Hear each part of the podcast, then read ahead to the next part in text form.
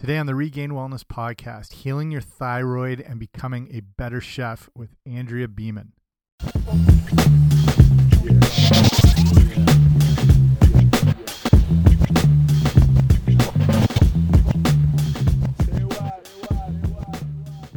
Hey guys, what's happening? Welcome back to the podcast. I'm Jamie. I run regainwellness.com and this is the Regain Wellness Podcast. So thanks for coming on out today. And what I've been doing is revisiting back to some of the best interviews I've done on this show. And if you haven't listened to the previous episodes, hopefully, like if you're new here, make sure you subscribe so you have all the episodes updated and then they're constantly updated in your podcast listener of choice whether it's Apple Podcast, Stitcher, iHeartRadio, any of that good stuff. But over the um, last year or two, I've interviewed a lot of the top minds in health and nutrition, from New York Times bestselling authors to people who are guests of shows like Dr. Oz and Good Morning America. I've interviewed um, high end food bloggers, and the guest I'm featuring today, Andrea Beaman, is sort of a combination of all those things. Uh, she's a holistic nutritionist. Um, she's an expert in thyroid health and how to heal your thyroid naturally and you know overall improve your health too but she was also a contestant on the first season of top chef so she comes from you know a health and science background and how to look at all the different aspects that go into healing your body but she knows how to cook at the same time she's not just is recommending certain foods, she knows how to use them the best. So you get a lot of lessons in this episode. She's also a great New Yorker and warm, entertaining, funny, perfect guest. So let's get right to it. My guest today is Andrea Beaman, who is a naturally renowned holistic health coach and natural food chef a recipient of the Natural Gourmet Institute's Award of Excellence in Health Supportive Education and a Health Leadership Award from the Institute for Integrative Nutrition. She has been featured on Top Chef, The View, CBS News, Fox News, Emeril Live, and Martha Stewart's Whole Living Radio show. And now on the Regain Wellness show, better than all those combined. So, welcome, Andrea. I love that intro. yeah. Um, so a little bit on like we are talking about thyroid and everything with that today. Tell us just a bit of your background and your story. And I believe you were diagnosed with hyperthyroidism. So like before we get to like thyroid specifics, what's your your story, your background? Well, yeah, like uh, almost 20 years ago, I was diagnosed with hyperthyroid. Plus, I had a goiter, so that's an enlarged thyroid. You know, like you see people, they have those necks that stick out. Yeah. Um, yeah, that was me. Plus, it was hyper, which meant it was producing too much hormone. And um, I was suffering from anxiety, panic attacks, um, uh, you know, heart palpitations. My hair was really brittle and falling out. Um, and I had all of the symptoms of hypothyroid, which was I was gaining weight. I couldn't lose weight no matter what I did. Um, nails were splitting, uh, hormonal imbalances. I mean, I had so much going on. And at that time, like almost 20 years ago, the doctors had recommended radioactive iodine. I mean, yeah. they're still recommending it today, but they recommended the radioactive iodine to destroy my thyroid. And then they suggested that I be on like a thyroid medication, uh, you know, hormone replacement for the rest of my life. Mm-hmm. And it sounded really dramatic to me. You know, I was like, I really don't want to destroy my thyroid with radiation and be on medication because at that time I was only I was only 28 years old. Wow. Yeah. And I was like, listen, doc, I said, uh, I think that my diet and my lifestyle is total crap. I said, I said, I think I need to change what I'm doing. And the doctor said, you know, your diet and your lifestyle really have nothing to do with your thyroid condition. Jeez. And I, yeah, I know, I know. And I said, I said, well, I understand that you you understand that, but I said, I, I I'm, I'm going to try a different way. And I I left the doctor's office instead of radiating my thyroid, I changed my diet and my lifestyle. And within four months of improving my diet and my lifestyle from what it was, uh, I noticed immediate improvements. I was sleeping better. I had more energy during the day. I wasn't crashing on my desk in the middle of the afternoon yeah. at the TV. You know, it was just yeah. so many things were changing. So then I, I went back to the doctor like four months later and she confirmed for me. She said, "Well, your thyroid hormone levels in your blood are changing, but they're still not normal. You have to take this medication." And I said, "Listen, doc. I said I'm feeling better than I have in years. Plus, I had lost like 18 pounds. Wow. Oh, I was like, I'm going to keep doing exactly what I'm doing. Yeah. And uh, and then I changed doctors. And for the next two years, I went for periodic blood tests with a new doctor each time, and each blood test showed that my thyroid was in a different state. First, it was hyper, and then it was hypo, and then it was Hashimoto's, and then it kept bouncing all over the place. And it took probably 18 months for my goiter to disappear entirely, and then two years for my thyroid to become normal. And, you know, like I'm a firm believer that we literally are what we eat. Mm-hmm. you know, and and that's what I teach my students and my clients that they can really change the quality of their blood and change the quality of their cells and their health by changing the quality of their food. So that that's my story. That's how I got started. I got started through sickness and disease. Amazing. Wow.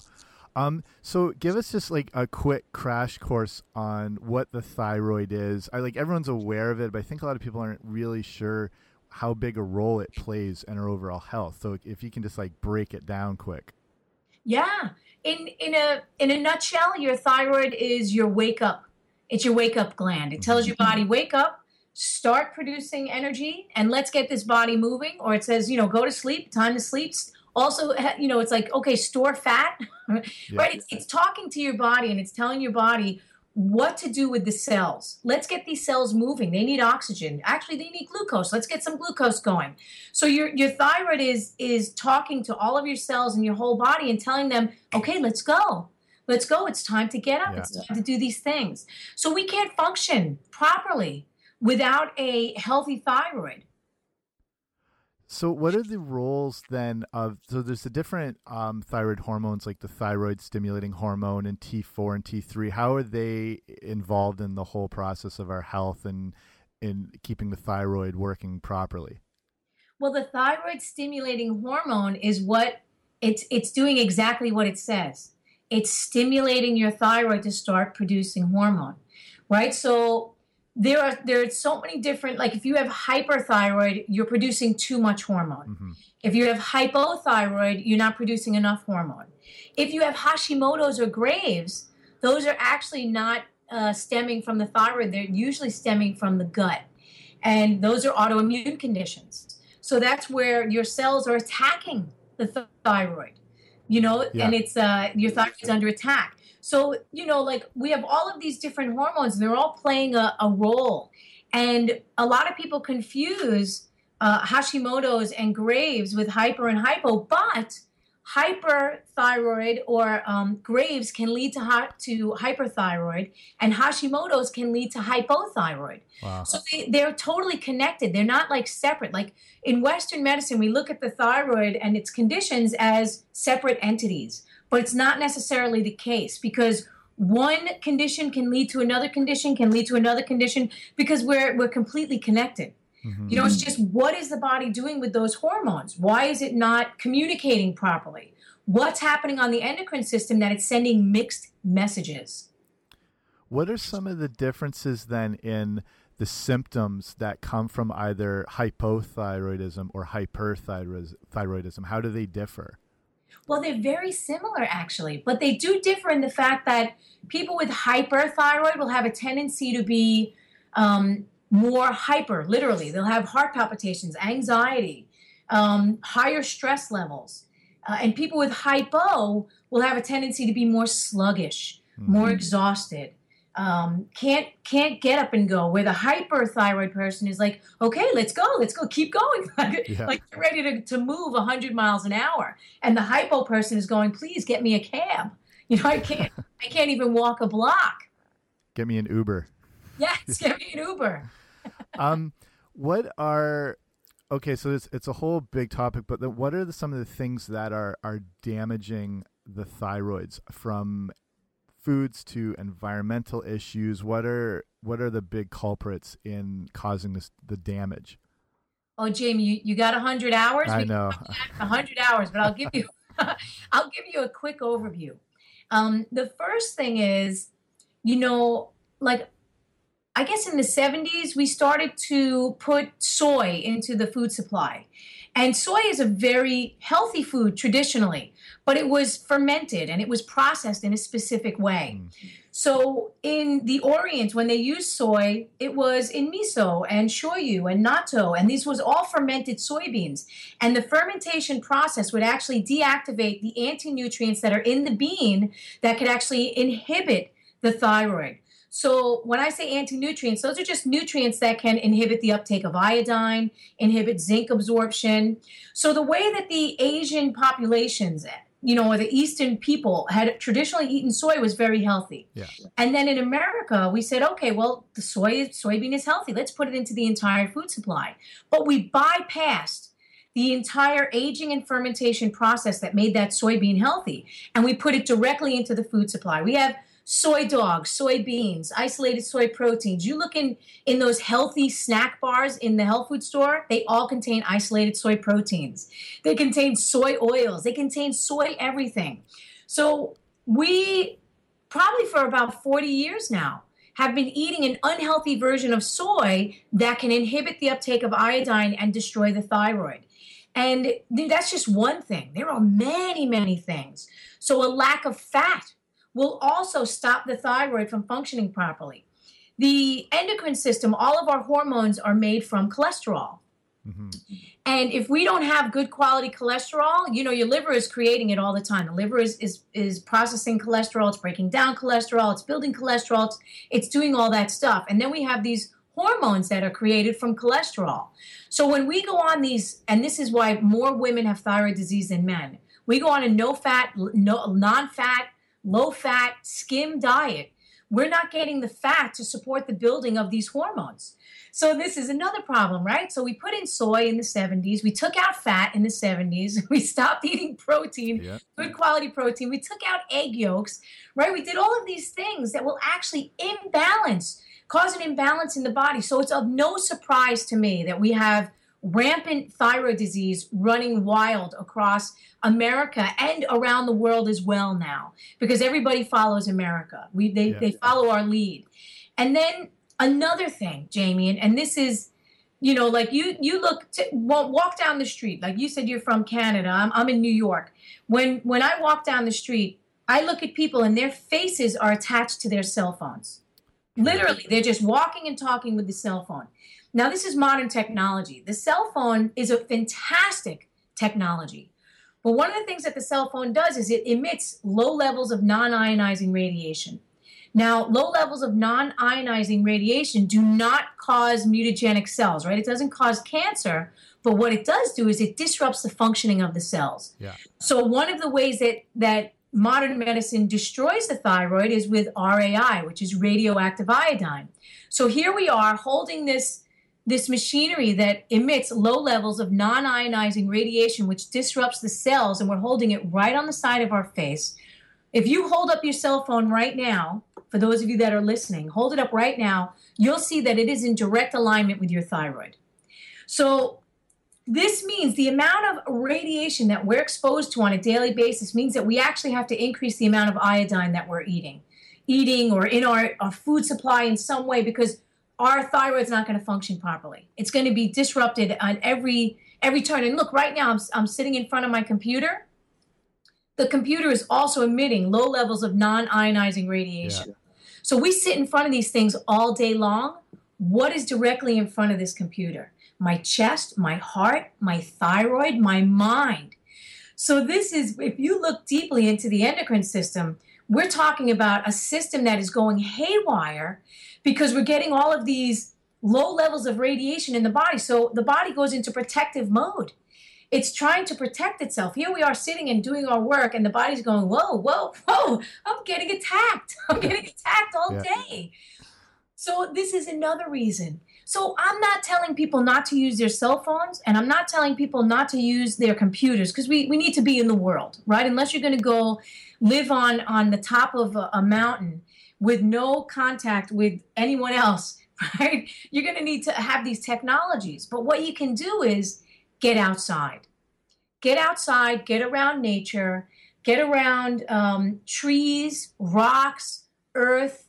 because all of this helps to deactivate a lot of that negative stuff that we come in contact contact with, which is through the technology that we're exposed to.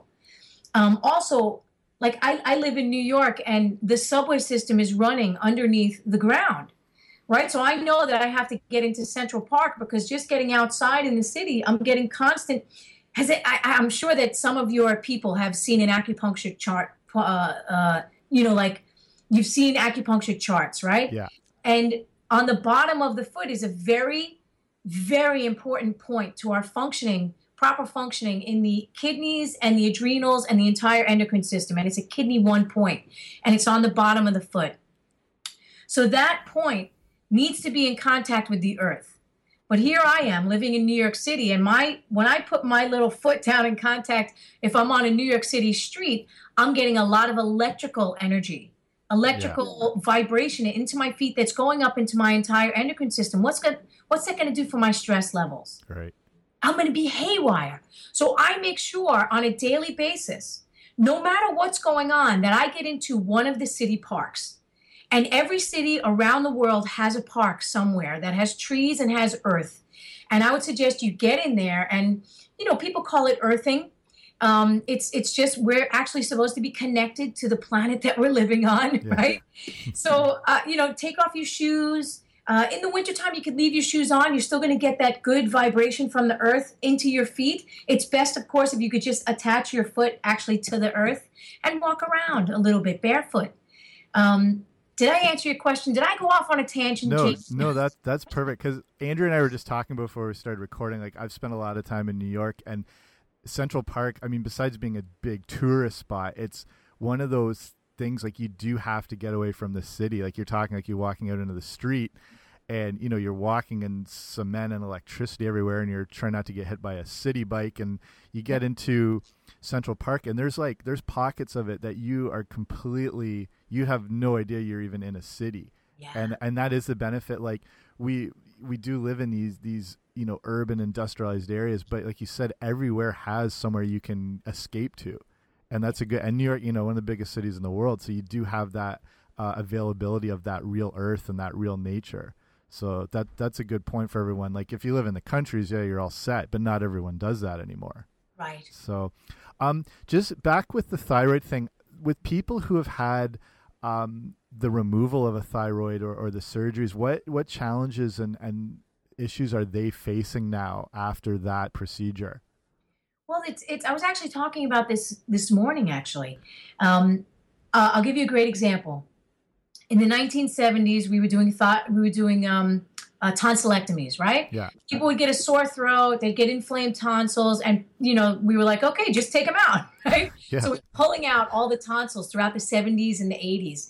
And then, you know, lo and behold, 20 years later, we're like, whoa, okay, yeah, the tonsils are, are, part of the immune system. So the people that have had their tonsils taken out uh, in the 60s and the 70s and the 80s, they actually have to be more conscious of their immune system, mm-hmm. meaning they're going to have more challenges and they have to be more diligent about really supporting their immune system. So the same thing is happening with thyroidectomies now. In the past 10 years, I, I just went out the other day for lunch and sitting across from me is a girl with the scar on her on her neck. I hear about it more and more. It's like, okay, let's take the thyroid out. Yeah, yeah. It's not functioning properly. So, of course, 20 years from now, we're going to go, well, okay, maybe that wasn't the brightest idea. Um, so, what we can do now is now that the thyroid is, is gone remember this is the it's a warning system the thyroid is communicating to the rest of the endocrine system it's saying okay speed up okay slow down okay time for rest now we have to be more diligent about supporting and nourishing our endocrine system on a deeper level. So you can certainly survive and thrive without a thyroid. You just have to be more careful. Um, stay away from the electrical technologies as much as possible. Get into a regular sleeping pattern. Eat seasonally, eat locally, make sure that you're getting your internal system in harmony with the external environment around you. Meaning, I know that things are available in the grocery store all year round, but it may not be the right food for your yeah. body where you live at that time. So, you know, we have to be a little more diligent with getting the body in alignment, and that means in harmony. And that'll help to nourish and support the endocrine system. Yeah Man, what a terrible decade the '70s was. not just bell oh bot, not just bell bottoms and, and bad hair, but look, the more exposed that way. Um, you, you, touched on this. We were talking about like the hormone le levels and everything, and and in regards with women, can you talk a bit about the danger? Obviously, we've been on this bigger, low fat, almost no fat mm. diet. You know, kind of coming out of the '60s, '70s, and and onwards and so, can you talk about that issue and and how that pertains to women per se, and just with the hormone issue in general? Oh my gosh! I mean, a no-fat, low-fat, non-fat diet was probably one of the most dangerous things that we've done with our health. Yeah. You know, like um, if you think about the brain, the brain is coated in a sheath of cholesterol. It's it's literally in you know in fat yeah. and the fat helps to protect the cells it helps to protect the integrity of the cells right mm-hmm. so here we went on these these low fat diets our bones became brittle because in order to absorb vitamins A, D, E, and K, these are fat soluble vitamins. So we took that out, and then what happened with osteoporosis? Skyrocketing. Mm. Now we have all of these cholesterol lowering medications. What happens when the people go on those? They have higher rates of bone uh, bone problems as well as memory loss because the brain can't function. The, the, the, fat gets so low, the cholesterol gets so low that the brain can't function properly. You're losing the integrity of the cells. The entire endocrine system start and the nervous system starts to like short circuit. So we need fat, fat soluble vitamins. We need it for our bones. We need it for our endocrine system. We need it for our brain. We cannot function without fat. We can certainly function for a short duration of time, like like cleansing, for example. I love cleansing. I'll do it at least once or twice a year, and it's literally you know stripping out all the food, giving the the digestive system um, you know the ability to rest because yeah. we never give the digestive system rest. And you know, at that time, yeah, okay, let do vegan, do vegetables, do just juice. Um, but certainly go back to eating normally and naturally everything that's provided for us so that you can absorb on a deep level you can't constantly cleanse and i think that's one of the things that we do is we go on these constant cleanses we're like in constant cleansing mode or yeah. at least people in the health and wellness industry and then they find that they suffer from adrenal fatigue or complete exhaustion or b12 deficiencies you know, or their bones start to hurt. You know, it's it's really amazing what happens when we don't eat fat. Not only that, but we took fat out, and in order to satisfy us, we had to increase sugar mm-hmm. to make things more palatable. And when you eat fat, your body is satisfied on a very deep level. So the people that don't eat fat, their tendency is that they're constantly snacking. They're yep. never satisfied because they don't have that deep nutrition, which is fat. It's it's one of the most nutrient dense substances that we have available to us. And I'm not talking about I'm not talking about like fat from animals that are unnaturally raised and living in factory farms because that you know you're going to absorb that energy on a very deep level. I'm talking about like naturally raised animals living a good life eat their fat eat the fat from the coconuts right? We yeah. we damned the coconuts and right? Also in the 70s and all that stuff. So eat the fat and let it let it nourish you on a very deep level. And i had one client who didn't eat can you believe this she didn't eat butter in 20 years. In wow. 20 years. And she was suffering from depression and lack of motivation and low energy and osteoporosis. And I said, and I encouraged her, I said, listen, that that line of thinking about no fat is is so old. I said, mm-hmm. try a little bit of grass-fed butter. And she called me the following week and she's like, I don't know what it is. She goes, I think it might be the butter, but I'm feeling happy. I'm feeling happy. I've even been giggling this week. and I'm like, yes, yes, life is better with a little bit of butter. You know, you know, it doesn't mean go crazy and eat a stick, right? Yeah, yeah. but uh, yeah, you know, like we we really have to look at the nutritional science that has been shoved down our throat for the past 50 years and question it. And really question and say, what on earth is this true? yeah. I, like it's something I get a lot of people to do, especially like uh, for breakfast or the first meal of the day. Is obviously like the breakfast foods we have our meal like our breakfast center around tend to be more like desserts you know more or less or whatever. And so and when you encourage people to try you know healthier fats or, or good quality proteins in the morning and then they're like they're like i'm not hungry 90 minutes later. What's going on? I'm like okay now you're getting it you know? Um, That's right. Yeah, you, you touched a little here on um, this might be a little off topic, but talking about like digestion and and the issues like our digestive system and our intestines have been really um, kind of compromised over the years, so we're not running efficiently. And I think I heard you talking about at one point um, in another interview the uh, the issue with babies who are brought up on formulas Oh. and how they're like our digestive systems are really compromised. Like, hopefully, this isn't too off topic, but just wondering your thoughts there. Uh, you know, it's it's a very important topic. Um, you know, again, the 1970s. It must have been all the acid. I don't know. Too much disco. right, all disco balls, Yeah. whatever going on. But they lost their minds. Um, you know, like like the the human is designed to support and nourish the baby, right? So we're, we're physically designed. We have these built-in baby bottles, literally, that are going to push this immune stimulating and nourishing supportive liquid into the digestive system. This is mother's milk now. It goes into the digestive system, the brand new baby's digestive system, and it implants into that baby um, antibodies. Uh, immune stimulating, you know, all the nutrients that the, the little baby needs to support the digestive system. Yeah. And in the 70s, they said, you know what? Uh, nutritional science knows better. We know that um, this formula that we made is definitely more superior th- than what the you know what's coming out of the breast. So women don't breastfeed anymore, and they just started feeding kids uh, the formula right right in the hospital. There was no breastfeeding at all; it was just right to formula. So the kids that were brought up in the 60s and the 70s and the 80s, and still to this day, those kids that were brought up without breastfeeding have a uh, weaker immune system. They have higher rates of all diseases across the board. It doesn't mean that they're going to be doomed for you know a shorter life or something. It just means that they are compromised. Mhm. You know, I I personally was one of those not breastfed babies, so I understand. Um, there is diligence in supporting the um, digestive system.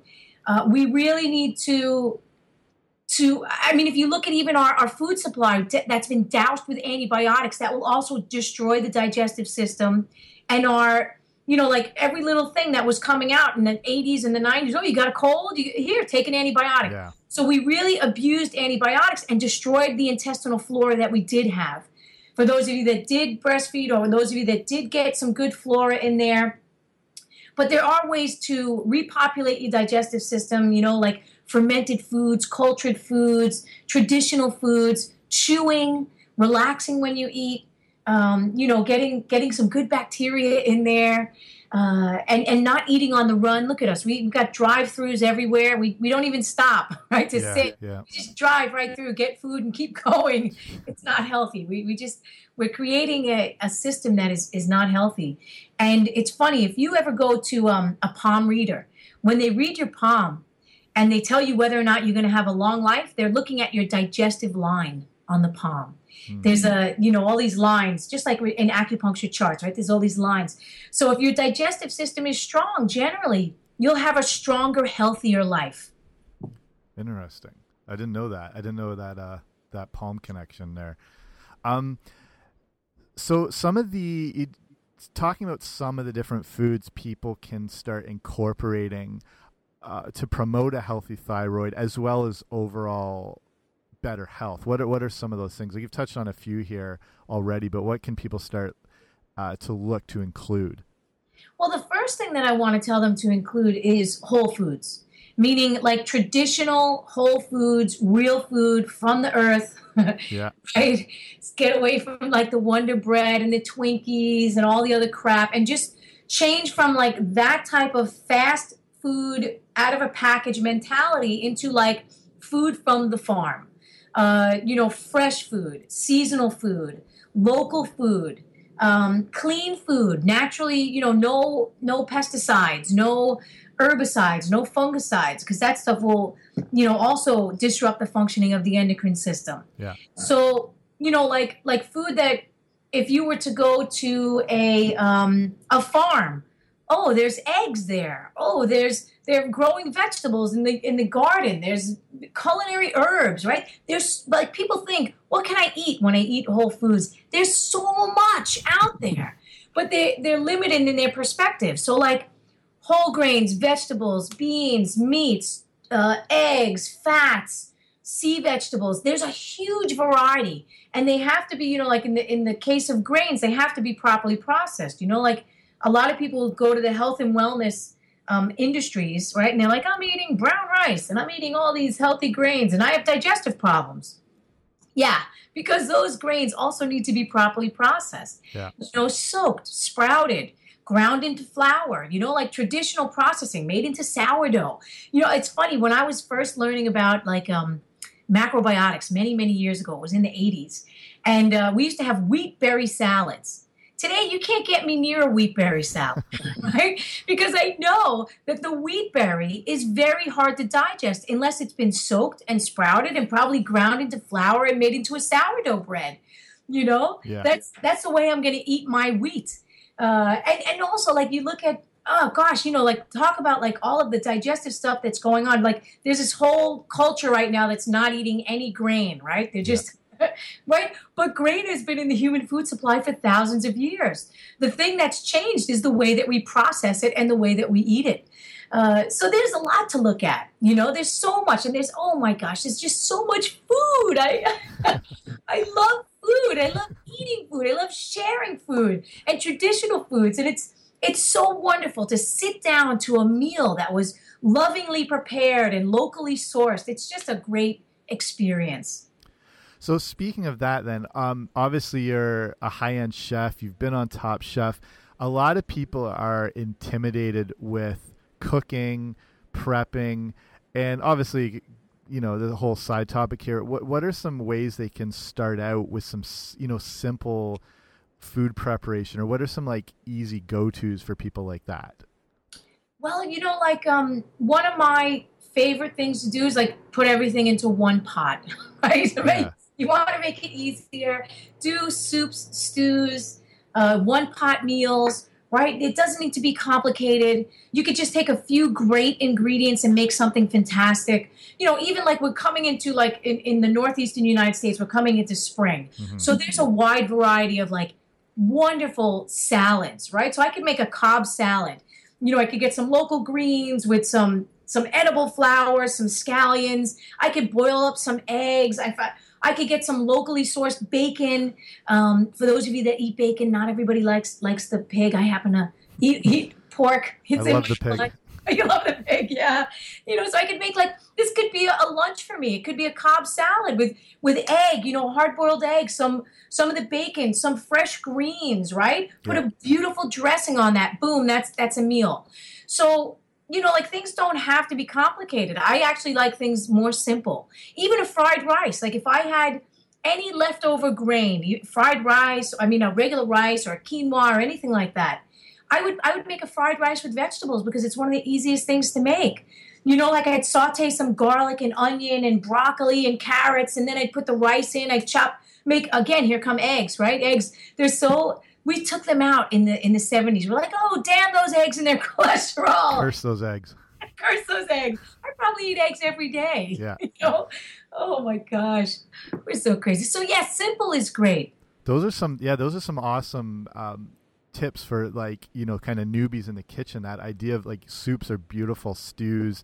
You just you describe my go-to meal with the Cobb salad. So like I'll just I'll take spinach, um, like the hard-boiled eggs, some avocado, some free-range chicken, cucumbers, all that sort of stuff, and I'll make my own dressing with olive oil, maybe a bit of like you know balsamic or red wine vinegar, and I, I try and get people on this sort of meal too, and it's it's just like they're like I'm not hungry for hours. Like it can stave you off for the whole day, and the amount of nutrition you get in that one Cobb salad is unbelievable. I think it's one of the king of all meals. You know, Oh, that's funny. That's great. yeah. I'll Um, come up to Canada. Have a cob with you. Cobb salads everywhere you go up here. We just we hand them out at the border when you come in. Here's your Cobb salad. So, um, so a few.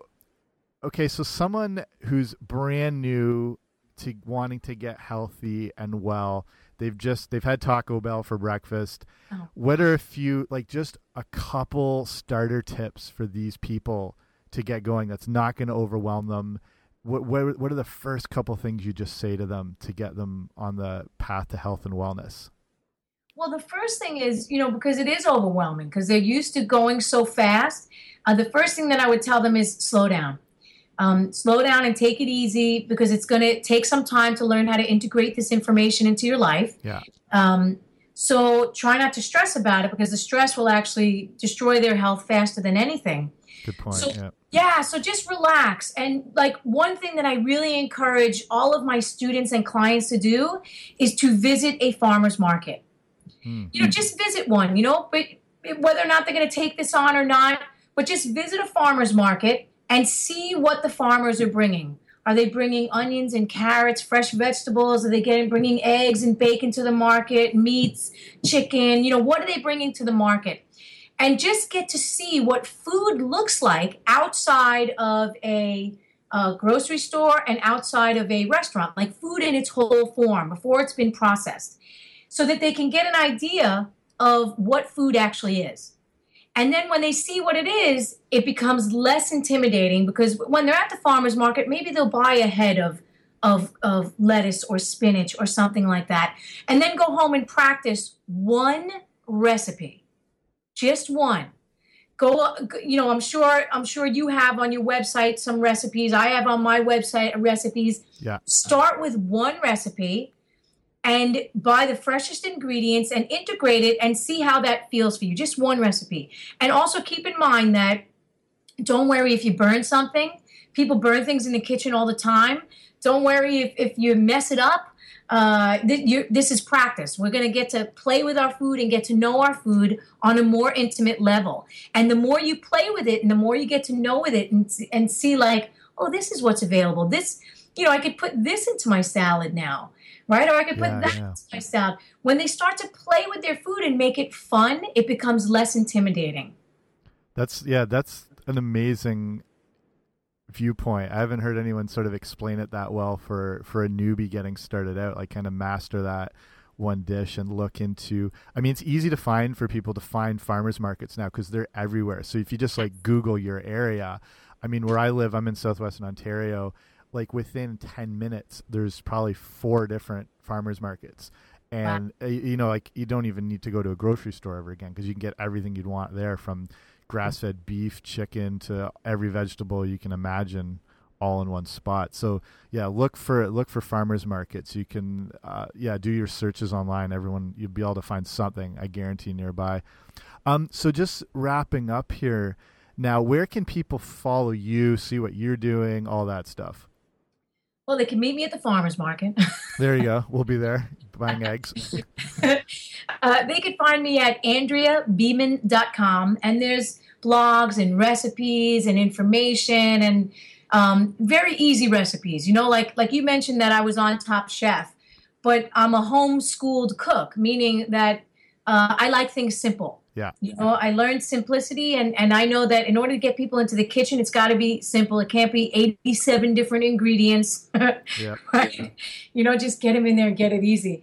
Uh, so, yeah, go to www.andreabeaman.com and they'll get a ton of information there. Cool. I'll link I'll link up that stuff on uh, the show notes for this sorry episode after, so people can go back and uh, go right to that. Yeah, it's one of these things like you watch shows like Top Chef or Master Chef or any cooking show, and you see them keep pushing this point of you know simple is better and world class chefs and Gordon Ramsay and they're all like less ingredients, less is more, and I think people should be able to embrace that in their own kitchens and their own health and everything like that. Yeah, So- absolutely. And also, you know, to keep people in mind that those shows are edited. So when they see a dish come out in five five seconds, Yeah. right? That's editing. That's Yeah. not reality. Good point. it take yeah, it takes me two and a half hours to make the Cobb salad, so it's not it's not a miracle. so to finish off here, just do a little bit of uh, rapid fire questions. So some of your favorite favorite things. So like favorite TV show. Oh, actually, I don't have a television. I gave it away about 15 years ago. Oh wow. Yeah, but I do have a computer. What, anything you, anything you like to watch there?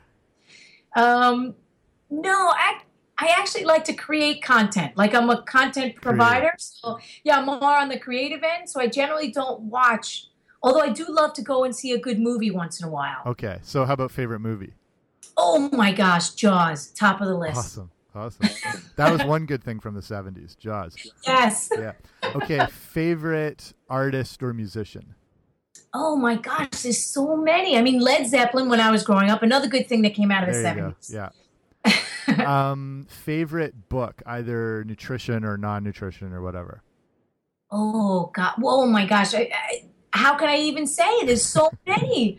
There's so many. I mean, uh, uh, I, I can't. There's just too many favorite books. Okay. There's Peace Is Every Step by Thich Nhat Hanh. Um, you know, there's uh, Coach Yourself to Success by Talane Miedaner. Yeah. There's anything by Wayne Dyer and Louise Hay.